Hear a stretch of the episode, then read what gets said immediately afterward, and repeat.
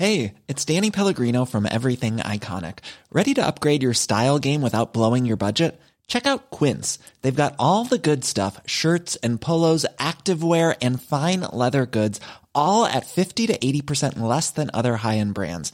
And the best part? They're all about safe, ethical, and responsible manufacturing. Get that luxury vibe without the luxury price tag. Hit up quince.com slash upgrade for free shipping and 365 day returns on your next order. That's quince.com slash upgrade. Hi, I'm Daniel, founder of Pretty Litter. Cats and cat owners deserve better than any old fashioned litter. That's why I teamed up with scientists and veterinarians to create Pretty Litter. Its innovative crystal formula has superior odor control and weighs up to 80% less than clay litter. Pretty Litter even monitors health by changing colors to help detect early signs of potential illness. It's the world's smartest kitty litter. Go to prettylitter.com and use code ACAST for 20% off your first order and a free cat toy. Terms and conditions apply. See site for details. Millions of people have lost weight with personalized plans from Noom, like Evan, who can't stand salads and still lost 50 pounds. Salads, generally, for most people, are the easy button, right? For me, that wasn't an option. I never really was a salad guy. That's just not who I am. But Noom worked for me. Get your personalized plan today at Noom.com. Real Noom user compensated to provide their story. In four weeks, the typical Noom user can expect to lose one to two pounds per week. Individual results may vary. Palmemordet avsnitt 200. Sveriges statsminister Olof Palme är död. 90 000. Ja, det är mord på Sveavägen. Hörde de säger att det är Palme som är skjuten. Mordvapnet med säkerhet är en Smith Wesson, en revolver kaliber .357. Inte ett svar. Det finns inte ett svar. För jag har inget. Och jag har inte varit Varför skulle jag göra Polisen söker en man i 35 till 40-årsåldern med mörkt hår och lång mörk rock. Välkomna till podden Palmemordet som idag görs av mig, Tobias Henriksson. Och av mig, Dan Hörning. Och Juan Esposito är här. Och den görs även av mig, Milos Larsson. Ja, det här är nämligen avsnitt 200. Det är ju värt att fira att vi faktiskt har gjort 200 avsnitt, så därför har jag återupplivat traditionen med panelavsnitt som vi inte haft på ett tag. Men vi har lagt ut en tråd på Facebook. Den är det för sent att fylla i frågor till panelen, men frågorna kommer i nästa avsnitt, för vi kommer dela upp det här på två avsnitt. I det här avsnittet blir det mest nostalgi, men även en blick framåt på de kommande minst 200 avsnitten. Eh, först tänkte jag ta och presentera paneldeltagarna. Tobias har ni ju kanske hört talas om tidigare, men har du någonting att säga till ditt försvar? Nej, inte mycket egentligen. Eh, blev känd som Viktor Gunnarssons röst i, i förhören och har sedan fortsatt att göra avsnitt eh, med relativt jämna mellanrum här. Så att jag tror de flesta vet ungefär vem jag är. Har du berättat om Bilköping i podden? Nej, jag har inte berättat om Bilköping i podden. Jag eh, tycker du ska göra det alltså? Ja. Mm. Jag är alltså speaker eller röst åt ett antal eh, tecknade bilar i en serie som heter Bilköping och eh, det här har ju väckt då stort eh, i intresse bland mina medarbetare som tycker att, att det är lite kul arbete. I ena änden så jobbar jag med mord, i andra änden så jobbar jag med barnserier. Då. Men jag gör det jag tycker är roligt helt enkelt och det är himla kul att få lite barnslig ibland också. Ja, det här målgruppen för Bilköping är väl 1 till 3-åringar? Mm, ja, eller? någonstans där ja. Ja, det är många oroade föräldrar som har kontaktat mig och frågat varför lyssnar mitt barn på Viktor Gunnarsson? Ja, jag fick den frågan också. Och då, då var det någon som lyssnade på podden på jobbet, den lyssnade på Tänk om på jobbet och lyssnade på Palmemordet på vägen hem från jobbet och sen satt ungarna och lyssnade på Bilköping. Så att han tyckte att jag var lite väl, alltså han träffade mig mer än sin fru ungefär. En komplett Tobias Henriksson-dag. På gott och ont. Ja, och här har vi även då Juan Esposito som ju har varit med i ett avsnitt tidigare. Precis, det var väl för lite mer än ett år sedan tror jag. Eh, samarbete då med Sanningskommissionen där vi gjorde avsnittet om Yvonne och den springande mannen. Ja.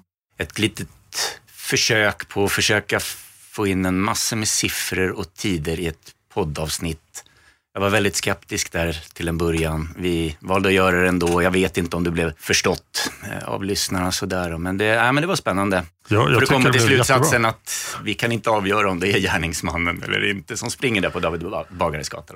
Om ni tyckte om Yvonne och den springande mannen så får ni säga till så vi kan ha med mer Juan Esposito i podden. Men några intressanta slutsatser, bara för att dra dem och lite så flashback från den, det avsnittet, då, var ju att relationen mellan eh, polisens ankomst till mordplatsen och eh, vittnet Lars J's väntetid där inne på, på Tunnelgatan, eh, att det står i relation till varandra, vilket gjorde att tiderna som bröderna Putiainen kom fram till inuti labyrinten är, ger en ganska lång väntetid på vittnet Lars J. Vilket, Just det. Ja, får man väl bedöma sannolikheten i, i den väntetiden då, men den är över en minut. Ja, det var lite spännande sådär. Eh, Men kanske ett svårt och komplicerat avsnitt. Ja, det är intressant att höra vad ni tycker. Jag tror de flesta, Mm. den mesta kritiken vi fick var positiv när det avsnittet kom. Men det var ju lite mer på djupet än vi brukar gå. Ja, precis. Nej, det var väldigt svårt att, göra det bara ljudligt. Så där. Vi försökte väl med någon powerpoint där på Youtube också. Va? Ja, det finns en powerpoint på Youtube. Just ja, ja precis. Jag ska tacka dig också för massa annan hjälp som jag har fått med podden som bakom kulisserna. Så Mm. Ja, men- Stort tack för det. Du är extremt kunnig i ämnet. Och så Milos, Jaha. hej! Hej. Välkommen hit. Ja, tack så jättemycket. Vill du berätta någonting för lyssnarna om vem du är? Ja, vad ska man säga? Jag har ju varit intresserad av Palmemordet sedan det hände. Jag var tio år. Och eh, jag är lite kusiner från landet så åkte man in till farmor och så, ja vad gjorde man då? Då gick man till Sveavägen och tittade på mordplatsen och sådär. Så att, eh, och sen har man ju följt med och läst alla böcker. Och, Var föräldrarna intresserade också? Eller? Nej, det kan jag inte påstå. Jag, jag, lite i början så var nog hela svenska folket väldigt intresserade med Holmers eh, presskonferenser och sådär. Ja. Men mitt intresse det har fortsatt och så har man ju läst de flesta böckerna. Och Lars Borgenens tv-program var ju en höjdare när de sändes. Ja, verkligen. Eh, Du är ju också frontman i ett band som vi ska prata lite mer om i slutet av avsnittet. Ja, precis. Vi sparar bedrövligheterna till lite senare. Eh, så ja, mer om det i slutet av avsnittet. Nu tänkte jag att vi först skulle titta på allting vi har gjort. Där. Nu har vi nästan hållit på i fyra år med den här podden och 200 avsnitt. Jag gör ett antal poddar men ingen har kommit upp i 200 avsnitt än. Utan det här är den första. Så att jag har firat 100 avsnitt i några poddar men 200 är, är otroligt mycket. Och jag måste passa på att tacka alla sponsorer på Patreon som har gjort det här möjligt. Det är tack vare er vi har kunnat komma ut varje vecka. Och vad har vi då gjort under de här 200 avsnitten? Framför mig har jag en lista på alla avsnitt. Och nu tänkte jag försöka förklara lite hur jag tänkte. Vi började ju med första avsnittet, så här, vad, vad ska det handla om? Och faktum är att modellen för vilken ordning vi tar avsnitten fortfarande stämmer. Så, men jag gjorde om första avsnittet som ni kanske har hört lite senare för, med lite bättre ljud och sådär. Det är ju väldigt kort. Sen var Olof Palmes sista dag i livet och sen blev det skott och sen blev det kulorvapnen. Sen började jag med ögonvittnen. Och där gick jag igenom ögonvittnena alldeles för fort. De viktigaste ögonvittnena. Utan skulle jag göra om det idag, då skulle jag gjort dem ordagrant från förhören istället. Där snabbspolar jag betydligt. Till exempel i just vittnet Lars, vill jag minnas. Men då tänkte jag, nej men det här kan inte bli så himla många avsnitt. Jag kan inte hålla på och liksom göra 12 ögonvittnesavsnitt som jag gjorde sen. Sen kom vi fram till första spåret. Och det var populärt. Där du fyllde på Tobias nyligen med Christer A. Stämmer. GH. Som även har fått frågor om idag. Vill vi säga någonting om Christer A? Blev det någonsin någon textning på eh, Youtube-videorna? Eh, det blev textning på, jag vet, hur många avsnitt gjorde vi? Var det en fem, sex avsnitt va? Alla utom ett, det var problem med textningstjänsten på sista avsnittet. Aha. Och det, det, jag fick nog nästan mer feedback på att det inte fanns textning på det än på ja, respons på de övriga avsnitten tillsammans. Ehm, sen, det föll väl lite ur minnet sen tyvärr. Men Paul Smith ansträngde sig för att försöka prata skandinaviska sa han och för mig då, när jag är från Sydsverige så var det någorlunda begripligt. Men jag har ju förstått att kommer man över liksom Blekinge, Småland där så kanske det är lite värre. Så att, eh, Ja, jag tyckte det var förståeligt faktiskt, Mm. det Paul sa. Jag tyckte det var jättebra. När, när började ni lyssna förresten?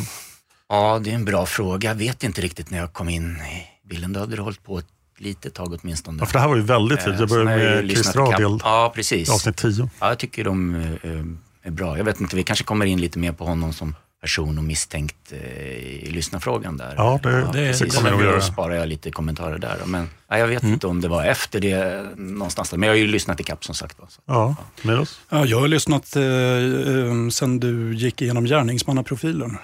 Oj, ja, det var någonstans runt... 15-16 där. Är det så tidigt? Ja, avsnitt eh, 15 i Gärningsmannaprofilen del 1. Mm. Eh, Och vi kanske kommer tillbaka till Gärningsmannaprofilen ganska snart, eller hur Det finns en risk för det, ja absolut. Ja. Det, det kan vi prata mer om i kommande avsnitt kanske. Ja, det kan vi absolut göra. Yes. Eh, vi går vidare efter Christer A tog upp eh, Råta arméfraktion. Eh, men jag tog aldrig upp japanska Röda armén som ju Holmér så berömt pratar om i sin bok tillsammans med ostkustfiskarna.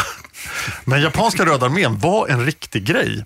Och den kommer jag faktiskt att göra tre avsnitt om i en annan av mina poddar, nämligen Massmördarpodden. För japanska Röda armén var ansvarig för tre olika incidenter som kommer i tre olika avsnitt av Massmördarpodden som ni kan hitta på podme.com i början av 2020. Vi kommer nog inte att ta upp japanska Röda armén i den här podden eftersom vi har väldigt lite japaner på Sveavägen. Eh, sen kom vi in på gärningsmannaprofilen och gjorde fem delar om den. Sen hade jag min första gäst och det var Gunnar Wall. Vi pratade om bajonettdådet. Det är också ett av bara två Christer Pettersson-avsnitt vi har gjort. Det är inte fler än så. Eller? Det. Det andra avsnittet är med Gert Fylking med kanske det sämsta ljudet i poddens historia.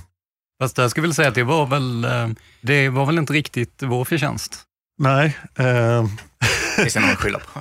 Eh, Vi spelade in två avsnitt om eh, Christer Pettersson. Ett för Gert Fylkings podd och en för min podd. Men efter att vi hade spelat in en hel dag så upptäckte ljudteknikern att han inte hade kopplat in sakerna utan allting hade spelats in på en Mac som stod på bordet. Och då tänkte Gert då, liksom, när det här går inte sända. Så det avsnitt som jag spelade in med honom finns inte för hans podd. Medan jag då ändå valde att sända det här anskrämliga ljudet. Och jag måste återigen be om ursäkt för det dåliga ljudet i många av de tidiga avsnitten. Jag är självlärd vad gäller ljud och det tog ett tag att förstå någonting. Och Jag tycker det är, det är lite charmen med det hela också. Ja, det är lite så underground, jag sänder men från källare. Precis, och sen du, ja. Men alltså all- följer, det är som en resa liksom. Så. Ja, men alla börjar ju någonstans. Och jag menar, jag tror du sa Dan vid något tillfälle att om man bara ska fokusera på att få det perfekta ljudet, få de perfekta gästerna och allting, då blir det aldrig någonting gjort. Utan man måste ju köra igång någonstans. Om det då är med lite ja, sämre ljud, men om det är med lite annorlunda ljud så då får det väl vara så. Innehållet är fortfarande bra. Jag skulle vilja säga att entusiasmen där som du uppringar i början, den, den lyser ju verkligen igenom. Så att, var roligt att lyssna från, ända från start. Tack. Eh, Jag tror att man ska vara väldigt entusiastisk när man poddar. Och eh, det här är ett väldigt spännande ämne. Men just avsnitt 16, Bajonettdåd med Gunnar Wall, där kom ju ljudproblemen verkligen fram också. För där satt vi i ett helt kallt rum med liksom inget skydd från ekon överhuvudtaget och en Blue Yeti på bordet då, som, som räckte för att göra gamingvideor på Youtube men inte riktigt för att intervjua Gunnar Wall. Eh, Det var en eh, ljudtekniker som försökte rädda det avsnittet. Mm. Det var mötesscenario-avsnittet. Men Gunnar är ju min eh, favoritgäst att intervjua som ni säkert har märkt. Han kommer väl tillbaka i podden snart igen. Så fort jag lyckas lura på honom ett ämne. Sen tyckte jag att jag sträckte ut eh, eh, nacken lite och tog lite risker. När, när jag i avsnitt 21 började ta upp då svensk extremhöger och eh, hur den såg ut på 80-talet. Och här hade jag ju någon gammal BSS-bild på Youtube också som bild. Men det är ingen som jag fick inte några reaktioner alls. Jag trodde att jag skulle få att folk skulle bli arga från avsnitten. Eller att jag skulle få liksom, hot och saker från, från dagens extremhöger. Men ja, kommer ni ihåg någonting av svensk extremhöger? Vi pratar om Anders Larsson, Anders vi pratar Larsson, om. VCL, de eh, nazistiska och högerextrema partierna i Sverige. Plus då tidningen Kontra. Ja, men precis, men de kom ju in i ett sammanhang runt Palmemordet och har varit en del av utredningen. Så att det är ju klart att du klarar dig undan. Du står ju inte för de åsikterna. Liksom, så att det, det här ja, det är ju kring Palmemordet helt enkelt. Och det, Ja. det är fakta som finns. Så att, Men men, nej, det- men det är spännande. Mm. Det är ju en sak som är intressant, eh, som jag har tänkt på, just det här med sociala medier och med poddar. När du tog upp svensk extremhöger och inte fick några reaktioner på varken innehåll eller bildval så att säga. Men däremot så fanns det en eh, svensk partiledare som hade vår podd som favoritpodd. Och då blev det väldigt mycket reaktioner åt båda håll i och för sig. Men Ja. eh, det är lite olika hur den här pendeln slår uppenbarligen. Ja, det, det stämmer bra det. Då blev det reaktioner. Är det hemligt vem det var? Eh, nej, vem, vem, vilken svensk partiledare i riksdagen skulle orsaka reaktioner? Så att, Jaha. ja, Så är det. han har samma initialer som Johan Åman. Tobias, du har ju sträckt ut nacken mycket mer än vad jag har gjort i din podd Tänk om. Den Oj. borde ni lyssna på förresten. Tänk om finns på Acast och där poddar finns. Ja.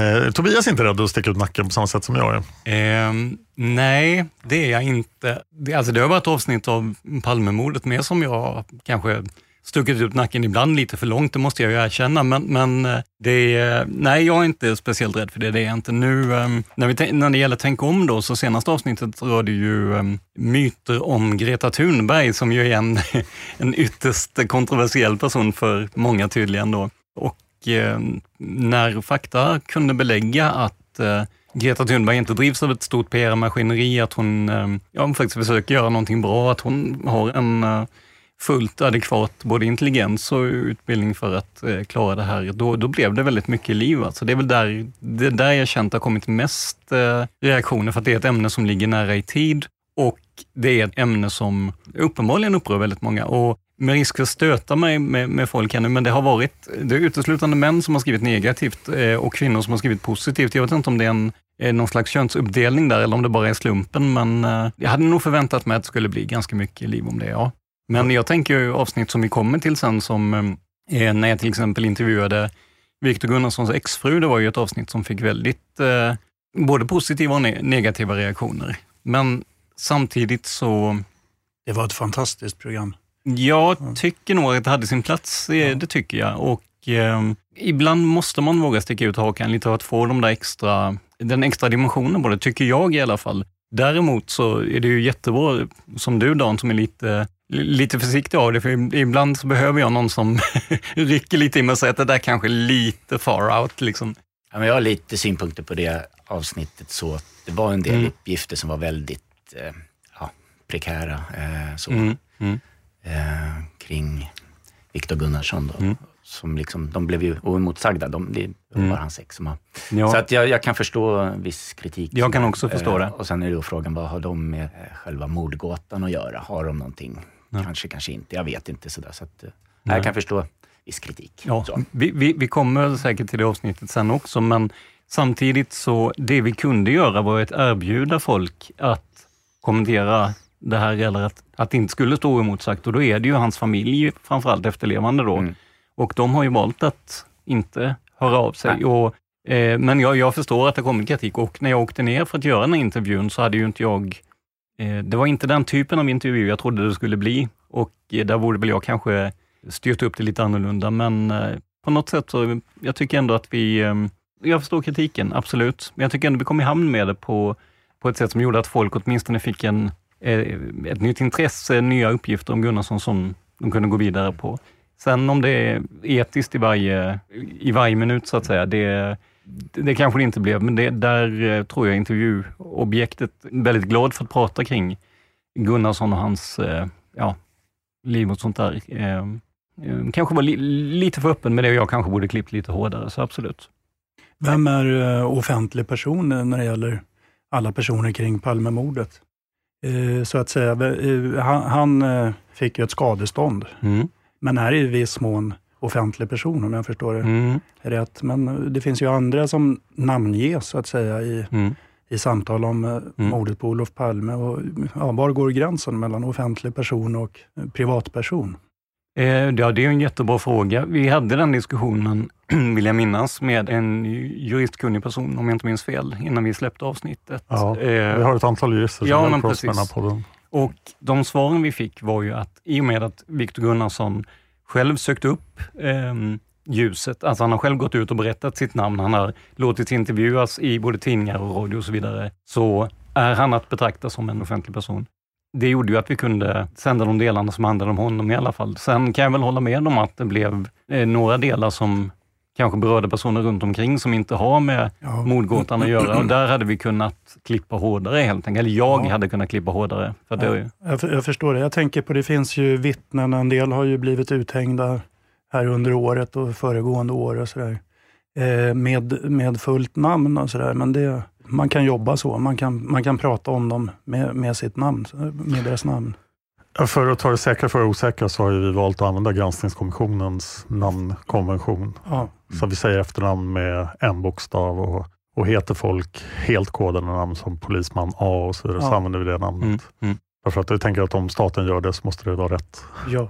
Jo, men det, det är ju tanken här också. Det, eh, det märkte vi ju när eh, vi hade samarbete med eh, TV100 som gjorde en intervju med eh, Kai Hane, för övrigt ett, ett annat eh, avsnitt som, som har väckt en del känslor. Men där, där fick vi ju lägga censurtutan på en, en, en, en del grejer för att eh, Hane har aldrig varit rädd för att prata för sig och där blev det ju en del namn och sånt som kom fram också som, som kanske inte var så eh, lämpligt för offentligheten. Men jag håller med Dan, vi försöker tänka på förnamn, första initial, alltså initialen i efternamnet eller kodade namn. Mm. Eh, det är svårare vid intervjuer, absolut, men det är det vi ska försöka förhålla oss till. Eller i Palmevandringsskildringar.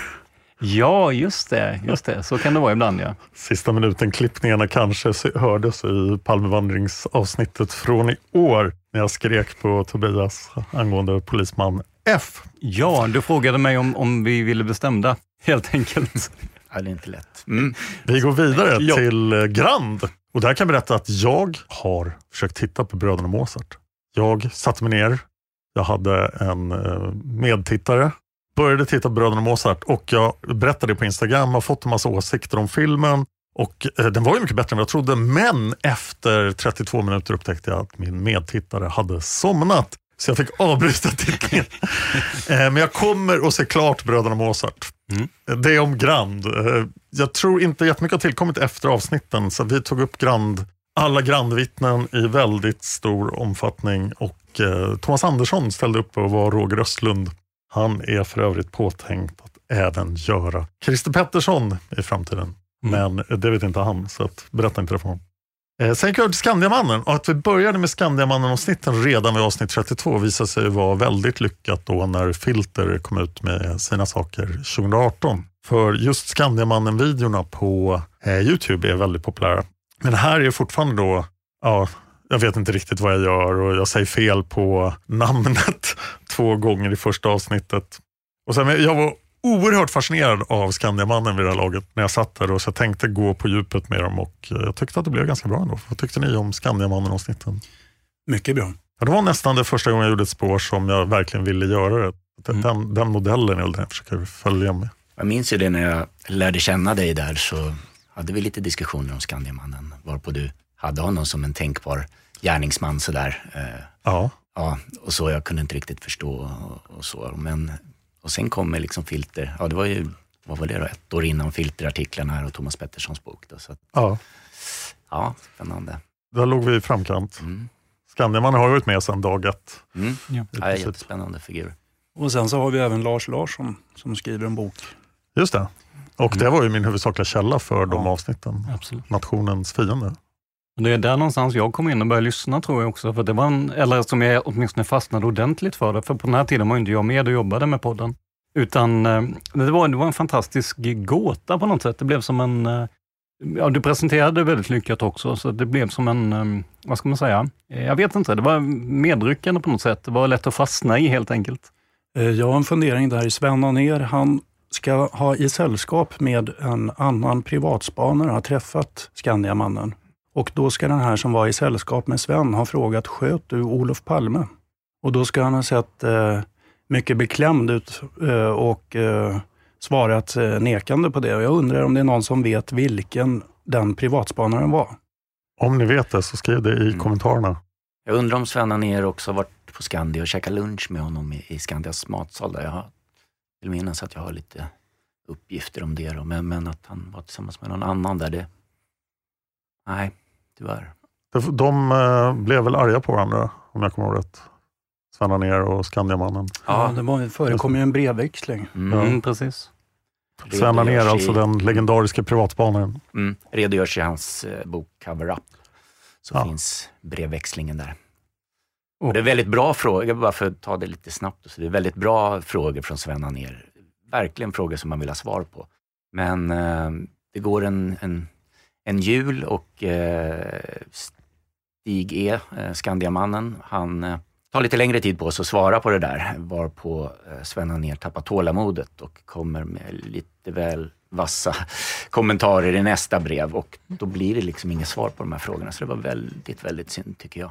In, I någon av de här vänderna så svarar ju Skandiamannen, jag var i allra högsta grad på Sveavägen. Är det den här korrespondensen vi pratar om? Ja, absolut. Och han redogör lite för eh, vittnet Anna H då, som var först fram på platsen och Gösta Söderström som var första kommissarie på plats också. Då. De får en del, de får en skopa Ja. ovett där av honom. Ja, han låter arg, Skandiamannen i det här, eh, det här brevet. Ja, han är en stor gåta. Ja. Och visst är det så att, att delar av det brevet har du med i de här avsnitten? Jag för mig det i alla fall. Det är möjligt, jag kommer Ja, inte längre ihåg. jo, jag, jag har för mig det. För jag lyssnade igenom det när vi började på andra vändan av, av Skandiamannen som vi kommer till sen. Så att, eh, jag har för mig det. Ja. Ja, det är lite roligt ibland man får frågor om avsnitten just så har man gjort, eller så har vi gjort 200 avsnitt och eh, Mm. dessutom då kanske 500 avsnitt i andra poddar också. Så blir det så här, eh, vad sa jag nu igen? Mm. Eh, vi tog upp Gert Fylking-avsnittet. Eh, jag tänkte väl i början kanske att jag skulle flika in Christer Pettersson i sådana här intervjuer lite då och då, men vi har inte riktigt återkommit till Christer Pettersson. Men var inte oroliga. Vi ska prata om kommande avsnitt, bland annat då säkert minst 80 avsnitt om Christer Pettersson. Eh, vi pratade, jag tog gärna upp mötesscenariot med Gunnar Wall i två avsnitt. De avsnitten är de populäraste avsnitten av podden på Youtube, där ju de gamla avsnitten fortfarande finns.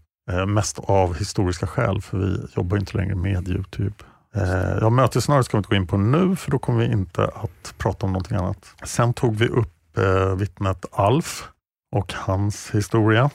Eh, sen var det Harvard-affären. Sen kom vi tillbaka till ögonvittnena och insåg att jag hade massor av ögonvittnen kvar, så började jag göra dem. Sen startade vi Lisbeth-sagan. För Lisbeth Palmes agerande är ju värt att fundera över. Sen satte jag mig ner med Erik och gjorde Stockholms försvarsskytteförening.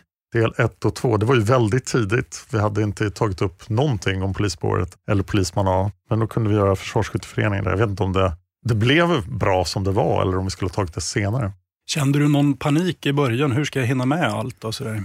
Nej, men däremot trodde jag inte att det skulle bli så väldigt många avsnitt. Nu tror jag lätt att det går att göra 200 avsnitt till, minst. Absolut.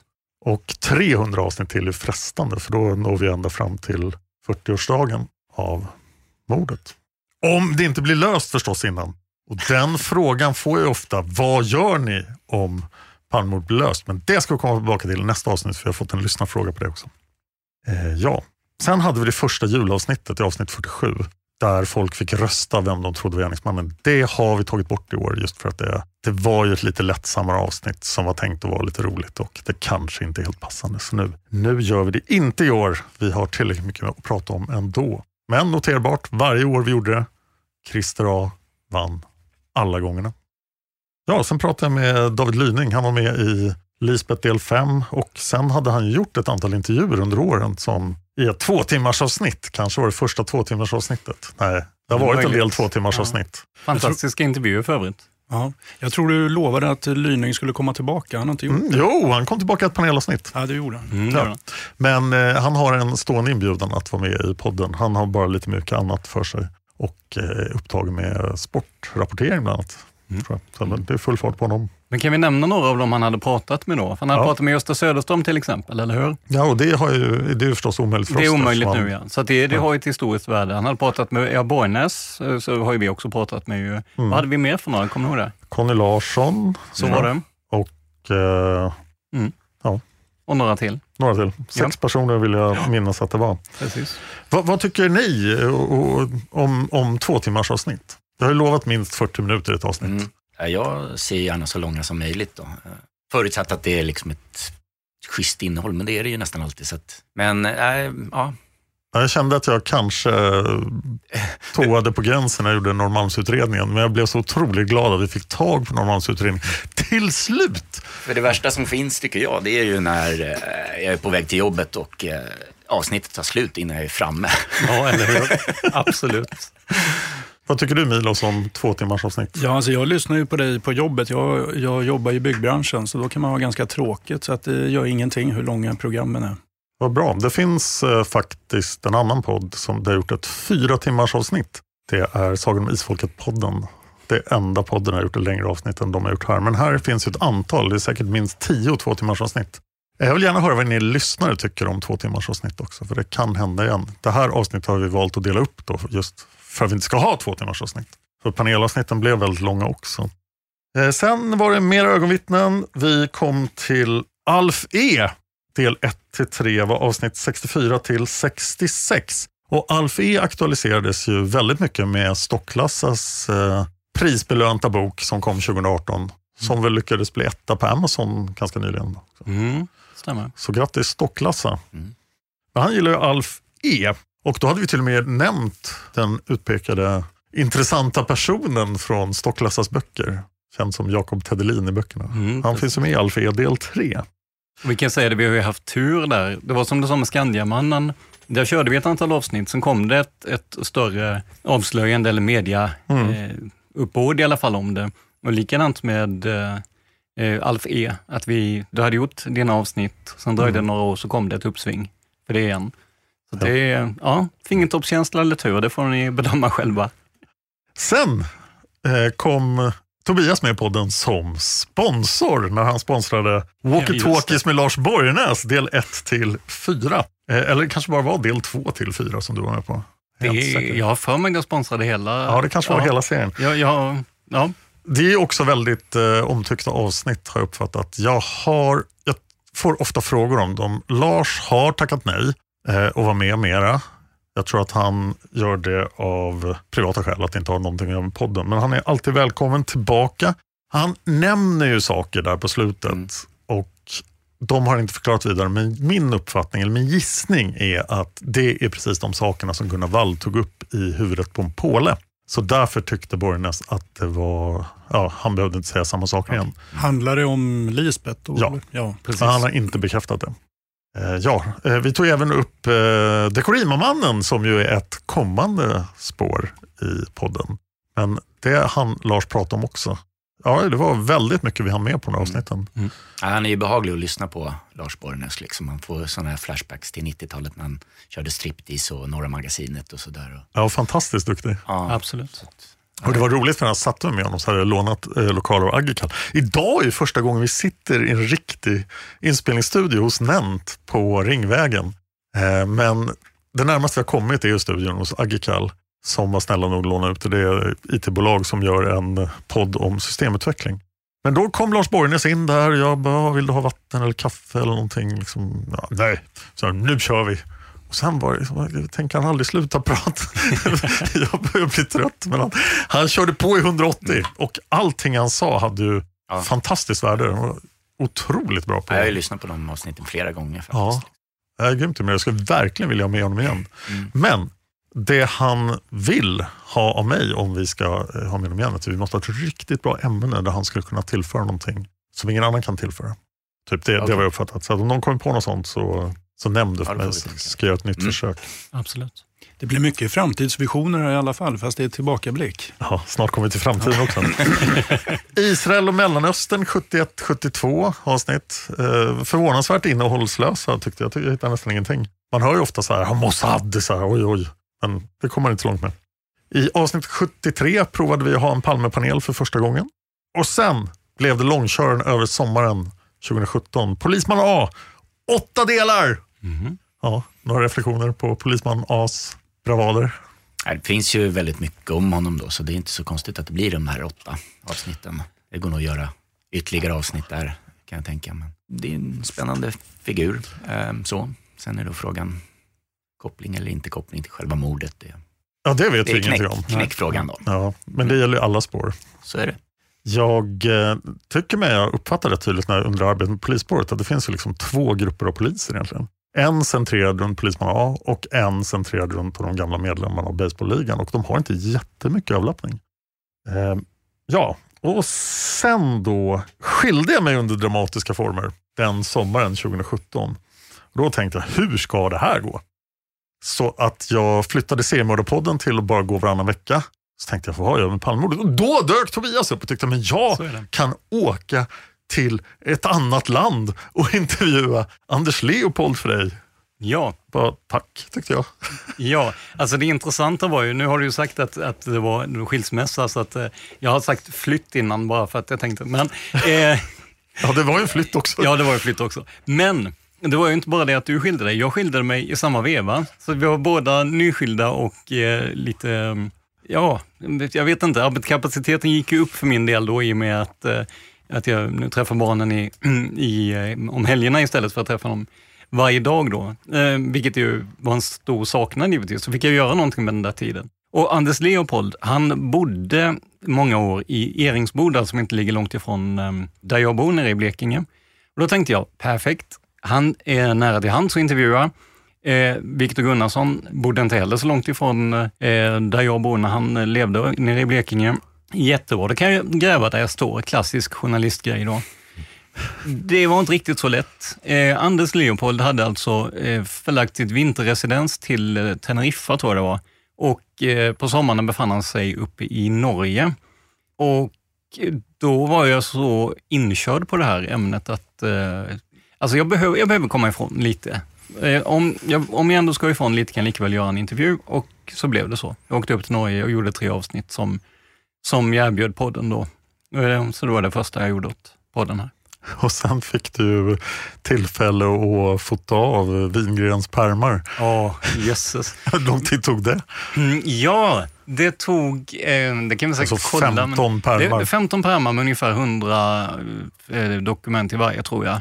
Jag satt ju, ja, man måste ha blivit två nätter ungefär med allt det där i alla fall. Och då hade jag ju bara mobilkamera med mig, för jag visste ju inte att, att jag skulle få, jag, jag visste att jag skulle få se någon av pärmarna, alltså bara se omslaget då.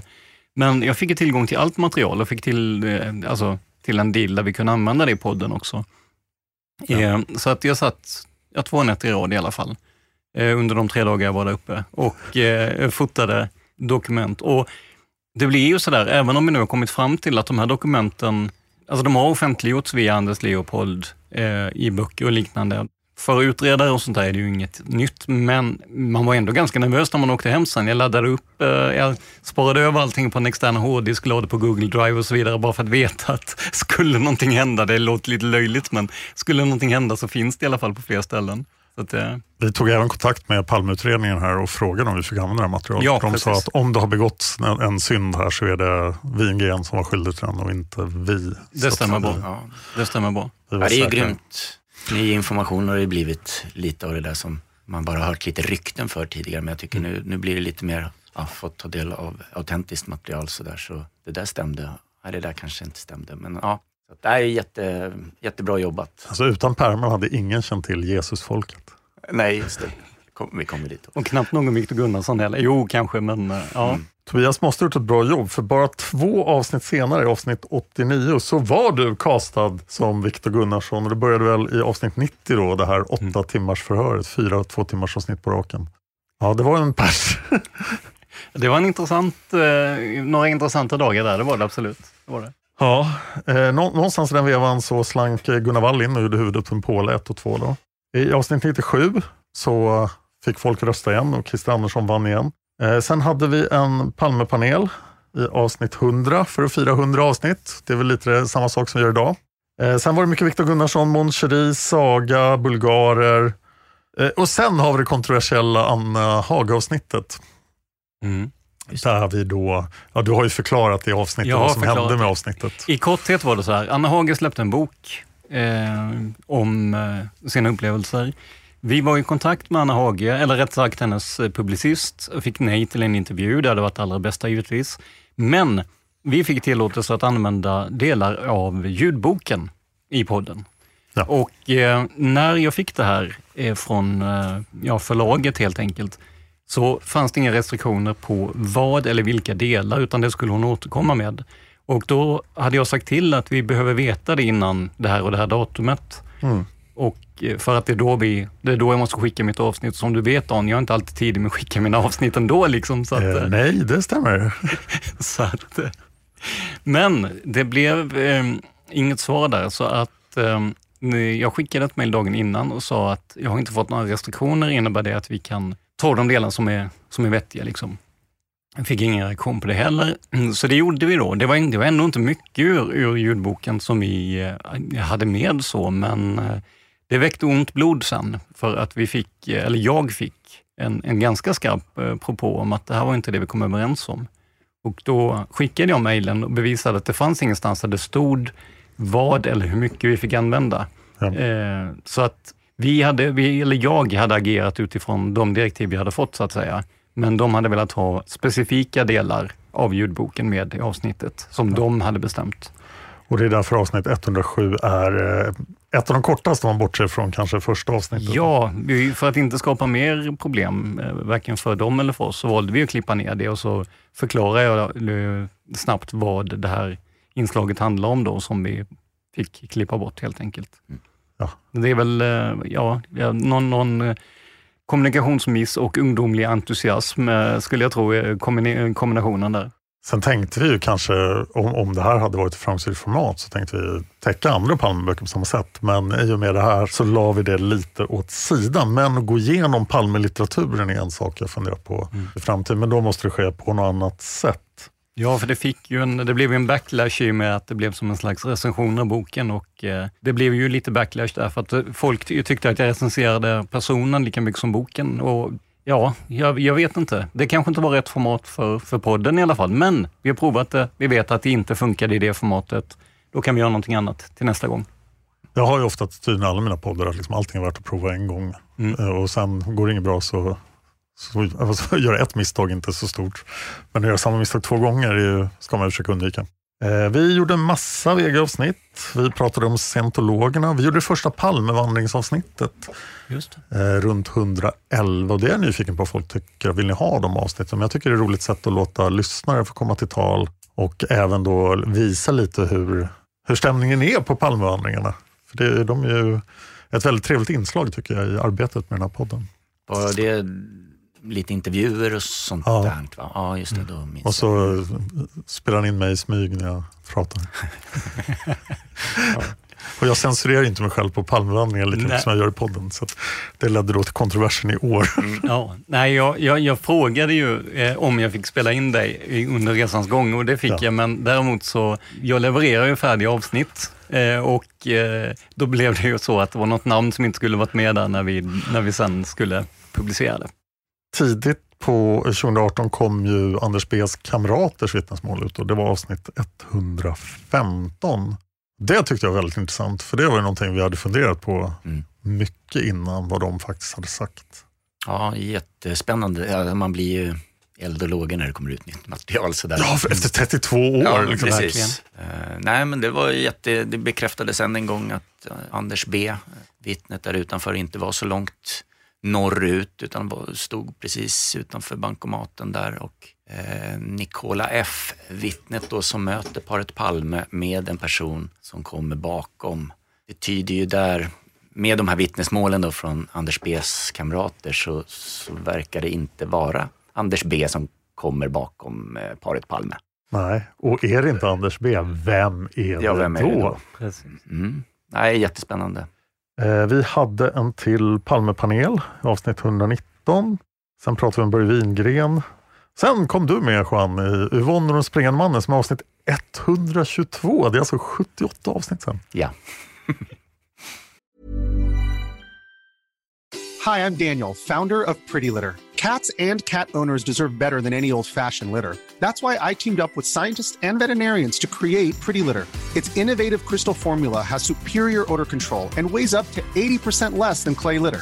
Pretty Litter even monitors health by changing colors to help detect early signs of potential illness. It's the world's smartest kitty litter. Go to prettylitter.com and use code ACAST for 20% off your first order and a free cat toy. Terms and conditions apply. See site for details. Quality sleep is essential. That's why the Sleep Number Smart Bed is designed for your ever evolving sleep needs. Need a bed that's firmer or softer on either side? Helps you sleep at a comfortable temperature? Sleep Number Smart Beds let you individualize your comfort so you sleep better together. JD Power ranks Sleep Number number 1 in customer satisfaction with mattresses purchased in-store. And now save 40% on the Sleep Number limited edition Smart Bed for a limited time. For JD Power 2023 award information, visit jdpower.com/awards. Only at Sleep Number stores or sleepnumber.com. Hiring for your small business? If you're not looking for professionals on LinkedIn, you're looking in the wrong place. That's like looking for your car keys in a fish tank. LinkedIn helps you hire professionals you can't find anywhere else, even those who aren't actively searching for a new job but might be open to the perfect role. In a given month, over 70% of LinkedIn users don't even visit other leading job sites. So start looking in the right place. With LinkedIn, you can hire professionals like a professional. Post your free job on linkedin.com slash people today. Jag tyckte att det var jättebra. Absolut. Tack. Eh, sen gjorde vi mera Skandiamannen när eh, Filter hade kommit ut då. Eh, jag pratade Eva Rausing med Gunnar Wall. Och sen i avsnitt 129 så började vi serien Mytmosarna. Ja, det stämmer. Eh, någon slags eh, förtida embryo till det som sen blev Tänk om. Mytmosarna handlar alltså om att titta på myter inom ämnet Palmemordet och se om det finns någon, om, ja, någon rimlighet i dem överhuvudtaget. Eh, och där har vi haft jättemycket. Jag vet, eh, du Juan har varit inne och hjälpt till Mm. en hel del där när, i de avsnitten också. Och, eh, nej, jag tror det, det känns som att folk eh, gillar formatet där, så jag tror det är en bra grej alltså. Absolut. Ja. Och det är någonting som behövs. Ja, jag tycker de är, det är jättebra. Det är precis lite det det handlar om. Försöka städa undan gamla myter som återkommer gång efter annan. Eh, Men det svåra är liksom att totalt eh, spräcka dem kanske. Mm. För vi har en begränsad mängd information hela tiden att utgå ifrån. Och Ja, alltså, så många frågor, liksom, att det, det, det står någonstans bara och väger det blir lite ord mot ord och sannolikheter till slut. Eh, Så, men, men i den mån det går så tycker jag, försök att få bort, så vi kan rensa, rensa bort ogräset så att säga. Ja. Jag är inte så pigg på att ta ställning i saker utan visa alla möjligheter. Men mytmosarna specifikt, det är liksom där tar vi ställning. Där krossar vi myter som, som måste bort från arbetet runt det. Vi måste komma någonstans, man ska Mm. avfärda någonting. Nej, men sen är det väl skillnad också. Om du säger att eh, scientologerna mördade Olof Palme, så har du ju, då är det ju en åsikt du har. Men om man med hjälp av tillgänglig fakta i alla fall kan göra det mer eller mindre troligt, så är det ju egentligen inte att vi tar ställning eh, utifrån vår eget, alltså hur vi själva tycker, utan då är det att vi tar ställning utifrån befintliga dokument helt enkelt. Så det tycker jag ändå finns en skillnad i. Ja. Eh, Men jag vill ju helst att den, det beslutet, det ställningstagandet ska ske i lyssnarens Mm. hjärna. Nej, men är man tydlig och, och hänvisar till sina källor och sådär så, så får ju lyssnaren möjlighet också att veta vart ifrån informationen kommer. Eh, för, för gör man det inte så kan det ju vara eh, rent konspiratoriskt då som att ni skulle kunna underhålla en viss typ av information för att bara prata om fakta som pekar åt ett håll och så vidare. Så att, eh, nej, men redogöra för källorna liksom. Jag har faktiskt blivit anklagad för att hålla undan information om, om Dekorima-mannen. Men var inte oroliga, Dekorima-mannen är ett kommande spår. Eh, apropå källor så hade vi en underbar upplevelse förra sommaren när vi i avsnitt 133 åkte till Kari Putiainen. Ja, det och stämmer. det. pratade med honom i fyra avsnitt. Mhm. Och Det var ju fantastiskt att han ställde upp på det och då också att boken var på gång igen. Så nu finns ju Inuti labyrinten att köpa igen.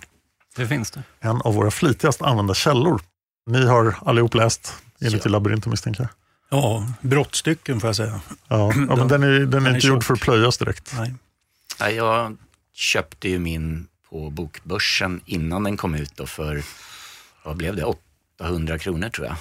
Som hittat. Eftersom den, ja, den skulle ju inte släppas något mer då. Sen så gjorde ni ett fantastiskt jobb då, nu kom den ut då, men jag tror ändå den jag köpte, den, den boken är bättre faktiskt. Ja. Ja, ja, den är värd fyra gånger så mycket. Ja, absolut.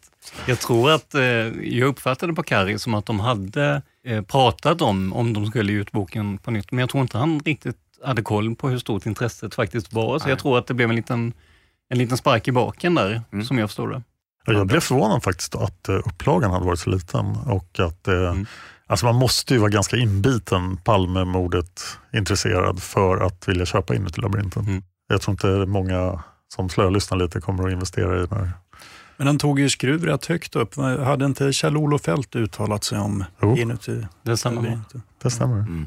Eh, vi började även med Polisspåret i slutet på förra sommaren 2018. Kom tillbaka till Skandiamannen lite. Vi polisspårade vidare. Stockklass, vars bok kom ut. Vi hade med Thomas Pettersson och Stocklassa i podden. Stämmer. Sen kom Paul Smith. Eh, Jag pratade med Gunnar Wall igen om mörkläggning. Sen hade vi debatten mellan Gunnar Wall och Thomas Pettersson. Och det, de antydde att de kunde tänka sig att, att ha en till sån. Mm, absolut, och det har inte vi någonting emot om vi uttrycker oss försiktigt. Nej, verkligen. Det hade varit alldeles var- fantastiskt. Jag tycker det var en, eh, ett av de bästa exemplen jag någonsin har sett på en sansad debatt. Verkligen. Vi var ju lite bekymrade, eller vi hade det i alla fall i åtanke, att eh, men tänk om det blir diametralt olika åsikter och man kastar, inte kastar skit på varandra kanske, men ändå att det blir den här spänningen Men eh, alltså, det är två fantastiska personer att sitta ner och prata med och som du säger väldigt lugnt och sansat och mycket information, tycker jag. Vad, Mm. vad, vad säger ni som har lyssnat på det? Jag tror det ligger mycket i Gunnar Walls eh, personlighet. Mm. Jag ringde honom för någon dag sedan och så pratade vi lite om, jag är lite intresserad av RAF fortfarande. Eh, och så hade vi en liten diskussion, men han, han har ju den framtoningen att det alltid blir eh, ett sansat samtal, just som ni sa. Nej, precis. Så jag, Thomas Pettersson har jag haft kontakt med lite också och ödmjuk. Även han inför uppgifter som pekar emot hans teori också. Jag var ju, vad ska jag säga, frilansade lite där åt sanningskommissionen och hade eh, några inlägg på sanningskommissionen.com, eh, hemsidan där. Eh, mycket kring de här Skandiaväktarnas eh, eh, uppgifter om vad Skandiamannen hade berättat när han kom tillbaks cirka 20 minuter efter, efter mordet, eh, som då Thomas Pettersson bemötte. Eh, så hade vi några växlingar där och jag känner, som varit inne på tidigare här också, att till slut så vi har inte tillräckligt med uppgifter. Ord står mot ord. Eh, så att vi, vi la ner vår debatt. Eh, så. Mm. Men den tycker jag, skulle jag vilja säga, är mer intressant än, än det som blev eh, primärt i, i Walls och Petterssons debatt. Handlade mycket om Grand som är ännu längre, både i tid och rum från mordplatsen. Eh, Ja. Så att jag, Mm. jag håller nog på de uppgifterna som vi tog fram inom sanningskommissionen. Finns Med hela den här dialogen på Ja, på den finns ju uppdelad i tre olika inlägg tror jag. Jag avslutade med något konstaterande bara att vi... Och Håller, så. håller Thomas Pettersson stenhårt fast vid att eh, Skandiamannen ska ha varit vid eh, Grand eller vacklar han på?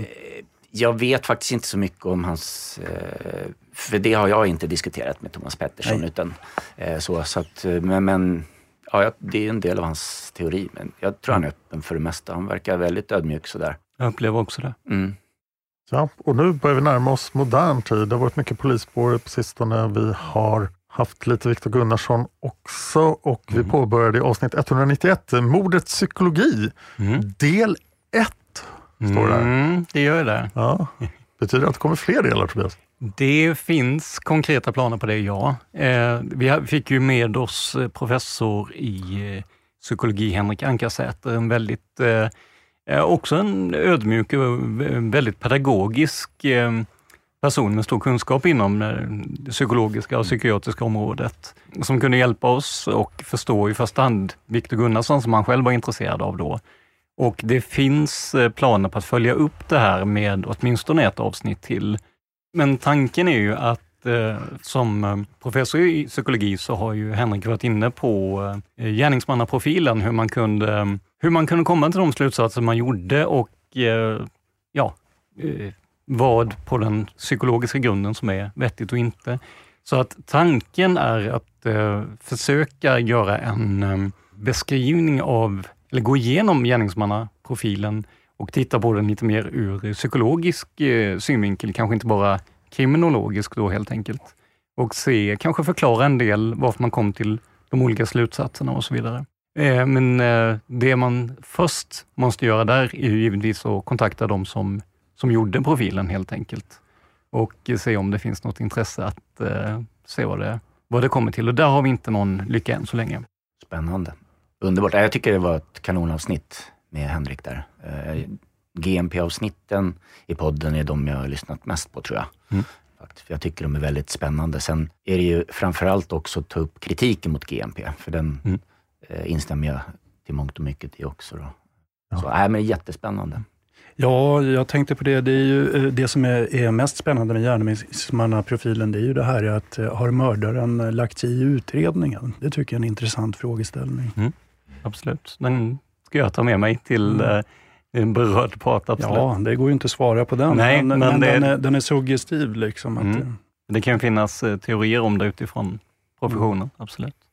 Eh, sen har vi fått förslag på att göra liknande psykologiskt inriktade avsnitt om, om andra personer kring mordet, men vi drar oss lite för det av två anledningar. Det ena är att det saknas information helt enkelt och det andra är att det blir lätt att man hamnar i en diskussion där man eh, sätter en stämpel på någon som kanske, ja, jag vet inte, lite udda eller bärande av någon form av psykiatrisk diagnos eller liknande och eh, att det får en, så att säga, större betydelse för lyssnarna än vad det var meningen i avsnittet. Och eh, vi känner väl att när det gällde Gunnarsson så hade vi så mycket information att det gick att åtminstone resonera kring det. Och han har också varit väldigt öppen med att nå ut med sin historia.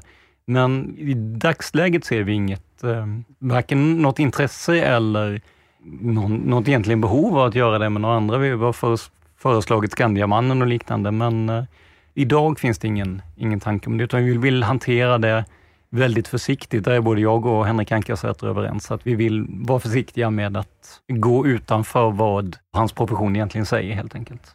Jag tänkte på det när vi pratade om gärningsmannaprofilen, så skulle jag vilja komma med ett litet eh, tillrättaläggande. Jag blev så förvånad när jag lyssnade på ditt program nummer 19. Eh, då var det så att det var 86 misstänkta, hette, var underrubriken. Ja. Och då var det nummer 62. Ja. Och det var otrevlig man vid valstuga. Ja. Då är det en kvinna som ringer in i februari 94. Och I augusti-september 91 så har hon då iakttagit en otrevlig man vid valstug, Socialdemokraternas valstuga i Sundbyberg. Han har kommit fram till henne och beskrivit vad som har hänt i skottögonblicket. Och så haltade han och eh, påminde om Christer Pettersson. Och så har de pratat med en polisman som då identifierat honom som allmänt otrevlig person som antastade och hotade folk. Jag vet inte om du minns detta? Ja, svagt. Då är det så här att den här kvinnan som har ringt in det tipset, det är min farmor. Och jag skulle vilja förklara det här som, uh, hon var alltså en stor Palmevän, men hade lite livlig fantasi just i det här. Aha. Så ligger det till. Så vi kan stryka okay. den där punkten? Vi kan stryka den punkten. Ja, det är underbart. Ja. Därför, där, där har vi rensat en sak. Då. Då är vi nere på 85 då helt enkelt. Ja. ja. Några av de andra var kanske lite svaga också. Det var ja, någon som stod och spelade flöjt vid, vid, graven, eller vad var det på årsdagen? Det var något sånt där. Jag har nog sällan haft så roligt som i det avsnittet. Ja, det, var... ja, det är lite så faktiskt. Man, man ler lite när du kör det där faktiskt. Men som sagt var, de hade precis släppt eh, gärningsmannaprofilen där och det var mycket att spana på årsdagen. Mm. Eh, och varenda skummis ryckte de nog in och drog av något förhör där. Faktiskt. Det är den uppfattning man får när man ja. läser det där. Ja. Det finns minst en av dem som vi faktiskt kommer att göra avsnitt om, som vi inte har gjort än. Eh, men nu ska vi titta på framtiden, om ni inte har någonting att tillägga om de 200 avsnitten.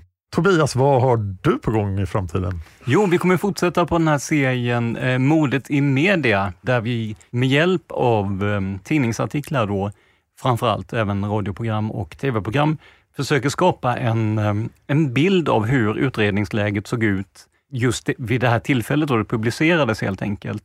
Och eh, jag tror att det kan vara väldigt bra för att få kanske en förklaring till varför man inriktade sig på, på vissa spår under en viss tid eller ja, varför det skrevs på olika sätt under vissa tider. Att försöka ge en ögonblicksbild och samtidigt se hur media rapporterat om mordet. Det är det som, eh, som rullar på nu helt enkelt och som kommer fortsätta i ett större antal avsnitt. Ja. Tänker du dig som en tidsaxel där du eh, ska eh, så att säga visa vilken information som fanns tillgänglig eh, successivt? Ja, det, det finns en, en tanke på det. Sen var vi hamnar i realiteten med det beror också på tidsåtgång och liknande, men eh, att i alla fall försöka spalta upp att dagen efter mordet var det de här uppgifterna mm. som fanns. Då var det kanske inte så konstigt att man började titta i vissa kretsar eller så vidare. Även om man inte superintresserad av varenda liten detalj så ger det ändå en, en, vad ska vi säga, en stämningsbild. Man får en liten, um, liten förklaring till hur, hur läget var. Alltså den här förlamande sorgen som, som var och säkert glädjen i vissa kretsar också efter, efter mordet och så vidare. Så att jag tror det kan vara vettigt.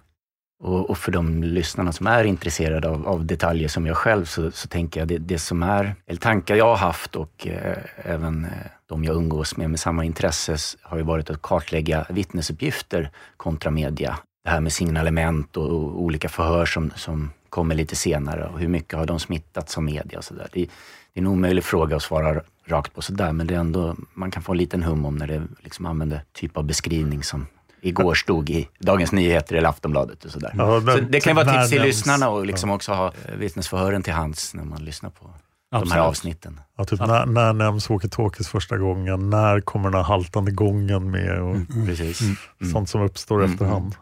Ja. Sen har vi också en, en intervju på gång som är väldigt eh, intressant. Så att det är en av de personer som var bland de första på mordplatsen helt enkelt. Och eh, där, jag vill hålla lite på detaljerna där, för att jag vet inte riktigt när det kommer att bli. Det enda jag vet är att vi har fått ett okej okay från personen i fråga och att jag eh, kommer att intervjua honom, som det då är.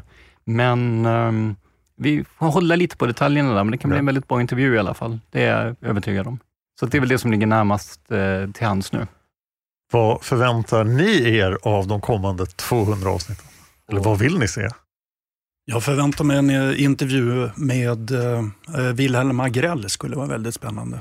Just det. Just det. Freds och konfliktforskare, gärna något sånt? Nej, han är alltså uh, professor i underrättelse... Ja, till och med så ja. Ja, i mm. historia. Jag vet inte, han jobbar på Lund i alla fall. Och han kan allt om IB och uh, en del om det som vi kallar för Stay Behind.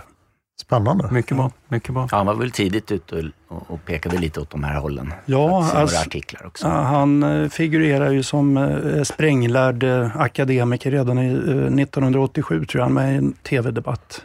Och sen har han följt med, så att säga, i, i mordet på Olof Palme som kommentator. Spännande. Tobias noterar. Jag noterar här. Som vår inhouse-journalist så är det Tobias som har ansvaret för intervjuerna. Mm, Om precis. det inte är Gunnar Wall som jag pratar med. Nej, det är sant. Eller Borgnäs. Eller, eller om vi lyckas få tag på Leif GW Persson. Ja, vi ja. jagar Leif GW Persson. Ja, det gör vi. Leif, du vet att du vill. Mm. Är det någonting annat ni, ni vill se och höra i framtiden? Det, ja, det skulle ju vara då Leif GW, kanske. Mm. Ja, det... Men, ja. Om vi lyckas så, alltså vi, vi vill också väldigt gärna ha med Leif GW. Jag hoppas ju på mer information, kort och gott. Liksom. Absolut. Ja, det är när jag började den här podden, då tänkte jag att det kommer inte komma någon mer information. Nej. Men sen 2018 kom det fyra paket med ny information. Mm. Det var så här, va? Hur kan det komma ny information fortfarande? Men det kan det. Mm. Och jag, jag, tänker de gäster som framförallt du, men senare också vi har haft, så att säga, det går inte heller att få hackor. Alltså, hur, när du startade podden, trodde du att du skulle få in så pass eh, ändå kända namn? Jag tänker Borgnäs, Nej, verkligen inte. Gunnar Wall. Ja. Nej, vi har eh, fått med de, de, de vi helst vill ha med. Absolut. Ja, förutom Leif GW Persson. Ja. Men har ni tips på personer som borde intervjuas som ni tror kan göra bra avsnitt så meddela dem till Tobias. Mm. Kanske på Palmemordets Facebook eller direkt till honom. Tobias kan nås på PRS Media på Twitter och Instagram. Mm. Jag gör ju de stora spåren, eller spåren överhuvudtaget, efter ordningen på Patreon, precis som jag sa i avsnitt ett. Och nu kommer de i omvänd ordning. Längst ner på Patreon, så redan finansierat, så kommer vi att göra Christer Pettersson. Vi kommer att få höra ett oändligt antal avsnitt om Christer Pettersson. Vi har lagt dem där de ligger på Patreon just nu för att eh, det kommer i princip bli när vi börjar dra ner på podden. Jag misstänker att många inte kommer vilja höra så mycket information som det finns om Christer Pettersson. Jag tycker Christer Pettersson är en otroligt spännande person och eh, jag har faktiskt ett avsnitt på gång som kommer handla om Chris Pettersson som innehåller helt ny information som inte många har hört. Men jag kommer även gå på djupet med till exempel de två poliserna som blev tvungna att utreda Christer Petterssons katter och liknande. Det finns oändligt mycket material i, i Christer Pettersson. Katten Måns va? Ja. ja, och den andra katten. Katten Måns, han är en del av alibit, är det så? För att eh, Ja, det var någon tjej som ringde till, ja, till Christer Precis. Eh, som eh, nämnde att hon hade blivit förhörd av eh, Palmeutredarna. Eh, och det här samtalet var ju då avlyssnat av, av, av, polisen då. För de hade ju då förväntat sig att skulle han vara skyldig så skulle han ju bli förskräckt över att eh, de hade nått henne och, och, så. Men han avslutade väl det samtalet med att, åh nej, katten Måns är mm. bortsprungen mm. eller någonting sånt. Så. Mm. Mm. Vi kommer tillbaka till det i Christer Pettersson-avsnitten. De kommer även att börja med en stor serie om Sigge Cedergren som ju är den mest förhörda personen i Palmemordet. Och så får vi höra Sigges fantastiska historier och jag, jag tycker nog att det borde göras en tv-serie om Sigge Cedergren. Hur många knarkgrupper var det som spanade på honom? Det var flera olika. Ja, absolut. Han driver sin eh, narkotikaförsäljning, alla vet om den, mm. han kan inte ens låsa dörren till sin lägenhet. Han har en roterande säng för alla sina flickvänner. Han har en hyllor fulla med afrikansk konst som han har tagit emot som betalning för narkotika eftersom han är alldeles för snäll. Och det är vapen överallt. det här måste ju bli en tv-serie förr eller senare. Han är, han är en väldigt spännande person och ett av de viktigaste vittnena då mot eh, Christer Pettersson. Men det kommer vi tillbaka till. Den personen jag inte tog upp från gärningsmanprofilen var ett av de tidiga spåren som vi hoppade över på Patreon, för Patreon gick lite bättre än jag trodde.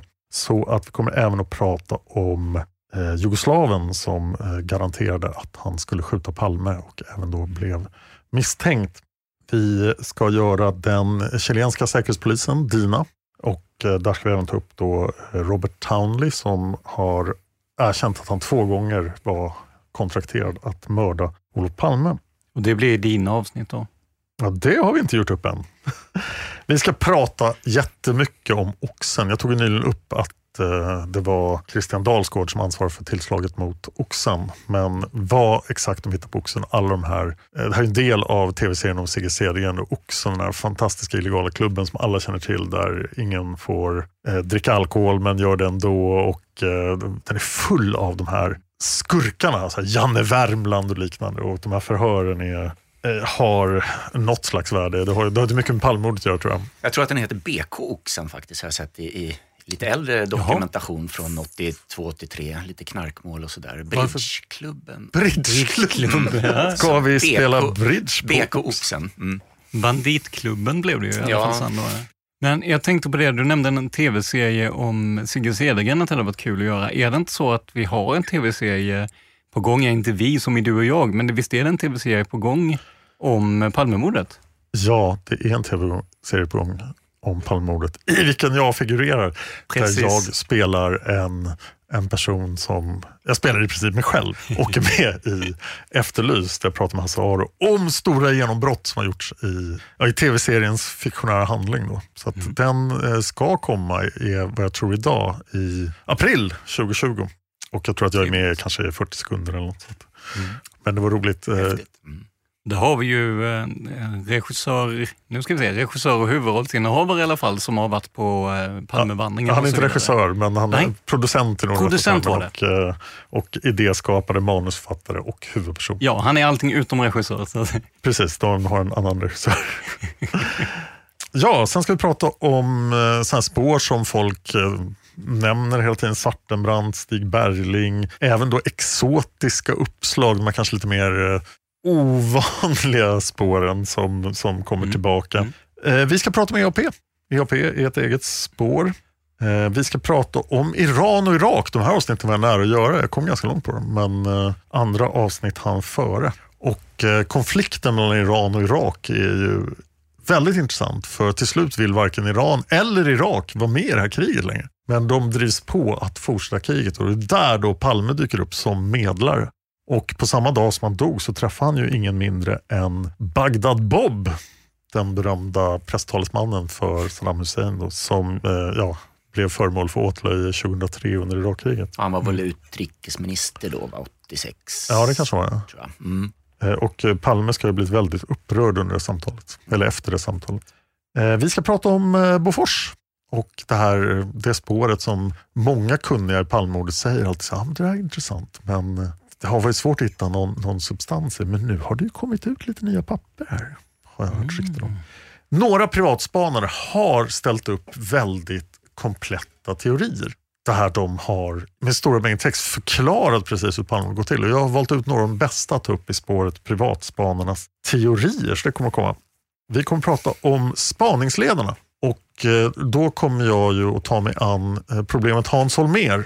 Så att när vi pratar om spaningsledarna då kommer vi att betrakta Hans Holmér som lite misstänkt och lite, lite underlig och försöka granska honom kritiskt. Men när vi gör PKK då kommer vi att betrakta Hans Holmér som den västernhjälte han vill se som. Ska vi se om, om PKK är ett så dåligt spår som alla tror eller om det faktiskt fanns någon substans för vad Hans Holmér sa.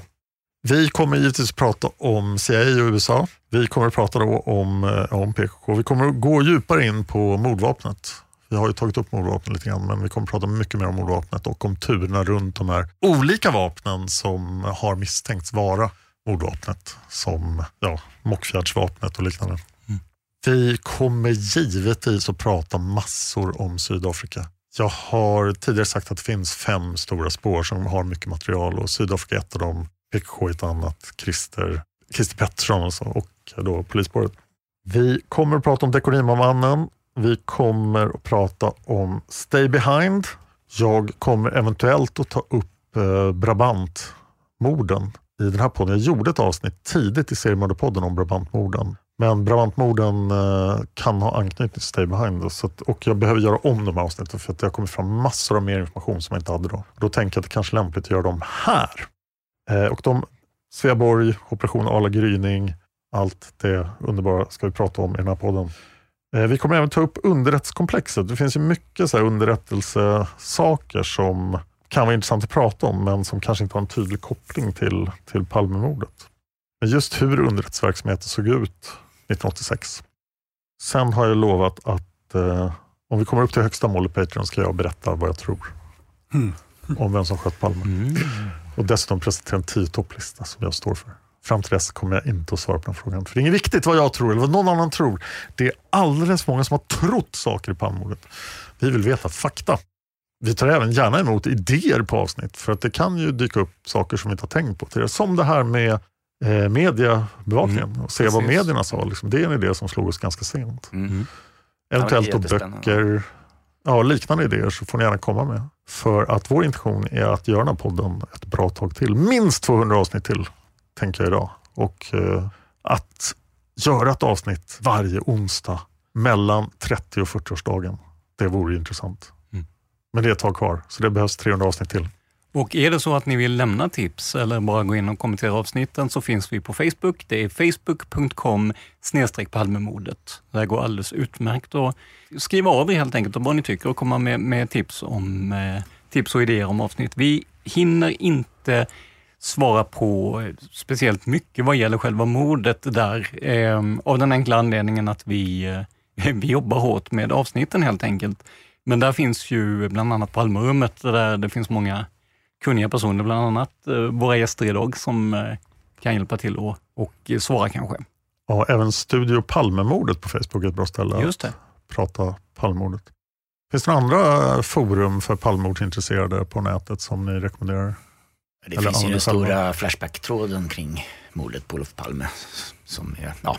ja, det är väldigt mycket inlägg där.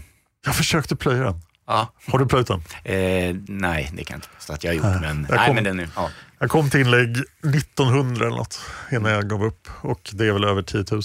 ja, absolut. Det är nog uppåt 97 000 inlägg nu tror jag. Va? Ja. Är det så många inlägg? Ja.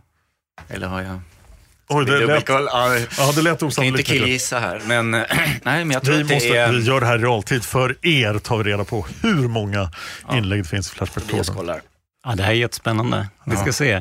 Mordet på Olof Palme och där har vi i dagsläget 117 088 inlägg. Det senaste inlägget gjordes samma dag vi spelade in det här klockan 13.18. Och eh, det här tar upp inte mindre än 9 758 sidor på Flashback. Ja, det var 900 och 700. Okej, precis. Oj, ja. Sidorna. Mm. Det finns ju säkert en väldigt stor mängd inlägg på Palmerummet också men som Facebook är konstruerat så blir det mer, mer det som händer just nu. Ja, det är svår, svårsökt. Där. Ja, väldigt svårsökt. Tänkte på det, Flashback har ju också den här tendensen att eh, det tumlas om allting. Jag tror att alla forum om Palmemordet har den tendensen att allt det går i cykler och så kommer någon göra ett inlägg som startar en ny cykel och så är vi tillbaka två år i tiden. Ja, så det ser ut.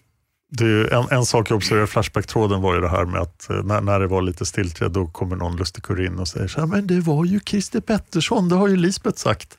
Och bara slänger in en brinnande fackla och säger vad som händer.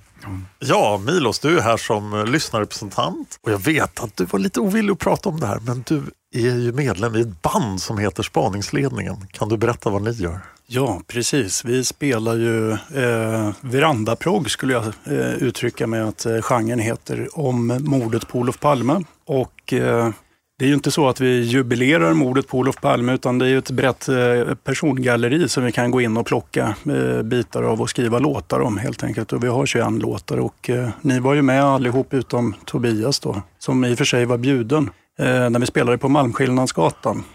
Och det tyckte jag var en rätt lattjo grej faktiskt. Det var fantastiskt trevligt. Det var jätteroligt. Eh, vi har ju lagt ut det så det finns ju på Youtube, du kanske har sett det. Ja. Ja, eh, ja det är väl vad jag vill säga om det höll jag på att säga. Är det någon som fyller år och sådär så kan vi komma och spela.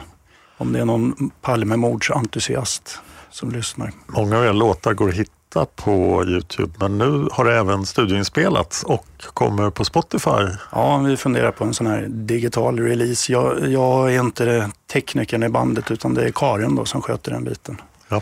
Jag skulle också vilja hälsa till eh, Henrik, Karin, Jonas och Ragnhild som spelar i bandet.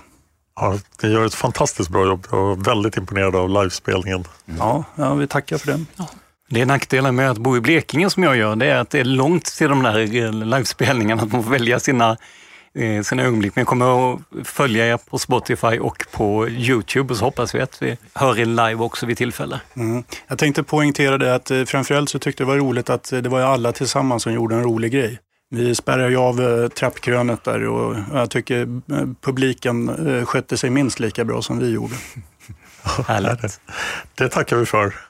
Ja, då får jag tacka er för att ni har varit med i det här framtid och eh, dåtidsavsnittet.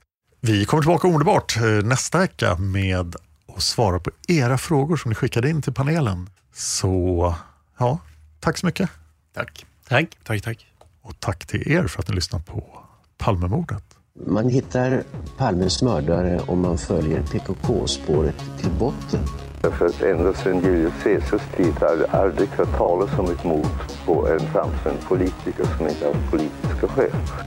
Polisens och åklagarens teori var att han ensam hade skjutit Olof Palme. Och det ledde också till rättegång. Men han frikändes i hovrätten. Shala ram pam pa Shalalala ram pam pa Hallå, hallå, det är kallt på min bår. Jag är ensam har legat ett år. Bortglömd av polis och mediahus. Som någon slags relik av ett Stockholmsbus Ja, ni har sett mig förr och här är jag igen. Jag går i repris för 500 spänn. Lazarus reser sig, lurar Satan. Hör knoternas rassel borta på Tunnelgatan. I skenbara trygghetsfördömda kil. Återuppstånden för en bättre deal. Beväpnad med kniv på små tjuvars vis. Jag kanske sprättar upp magen på er folkhemsgris Kära systrar, här har ni er bror. Rövarkungen från Rotebro. Jag tar vad jag vill från Systembolaget. Skicka notan till Aftonbladet. Ölvebro har fått er att tro att det var rövarkungen från Rotebro. Tjala, rampampa, Tjalalala rampampa. pa. Jag är ett kaos på två ben, jag är buller och bång. Jag bor bredvid kattlådan på polans balkong. Om ni vill mig nåt finns jag på sambandscentralen Här flyttat på vapnet en gång om dagen. Hela folkets samvete är att ta festen med mig ner i helvete. Kära systrar, här har ni er bror Rövarkungen från Rotebro. Jag tar vad jag vill från Systembolaget Skicka notan till Aftonbladet. Gert Fylking, Robert Aschberg, Jan Guillou, Kerstin Skarp, Ture Nässén, hela spaningsledningen Sonny Björk och Ölvebro. Har fått er att tro att det var rövarkungen från Rotebro? Tjala ram pam pa. Shalalala ram pam pa Shala ram pa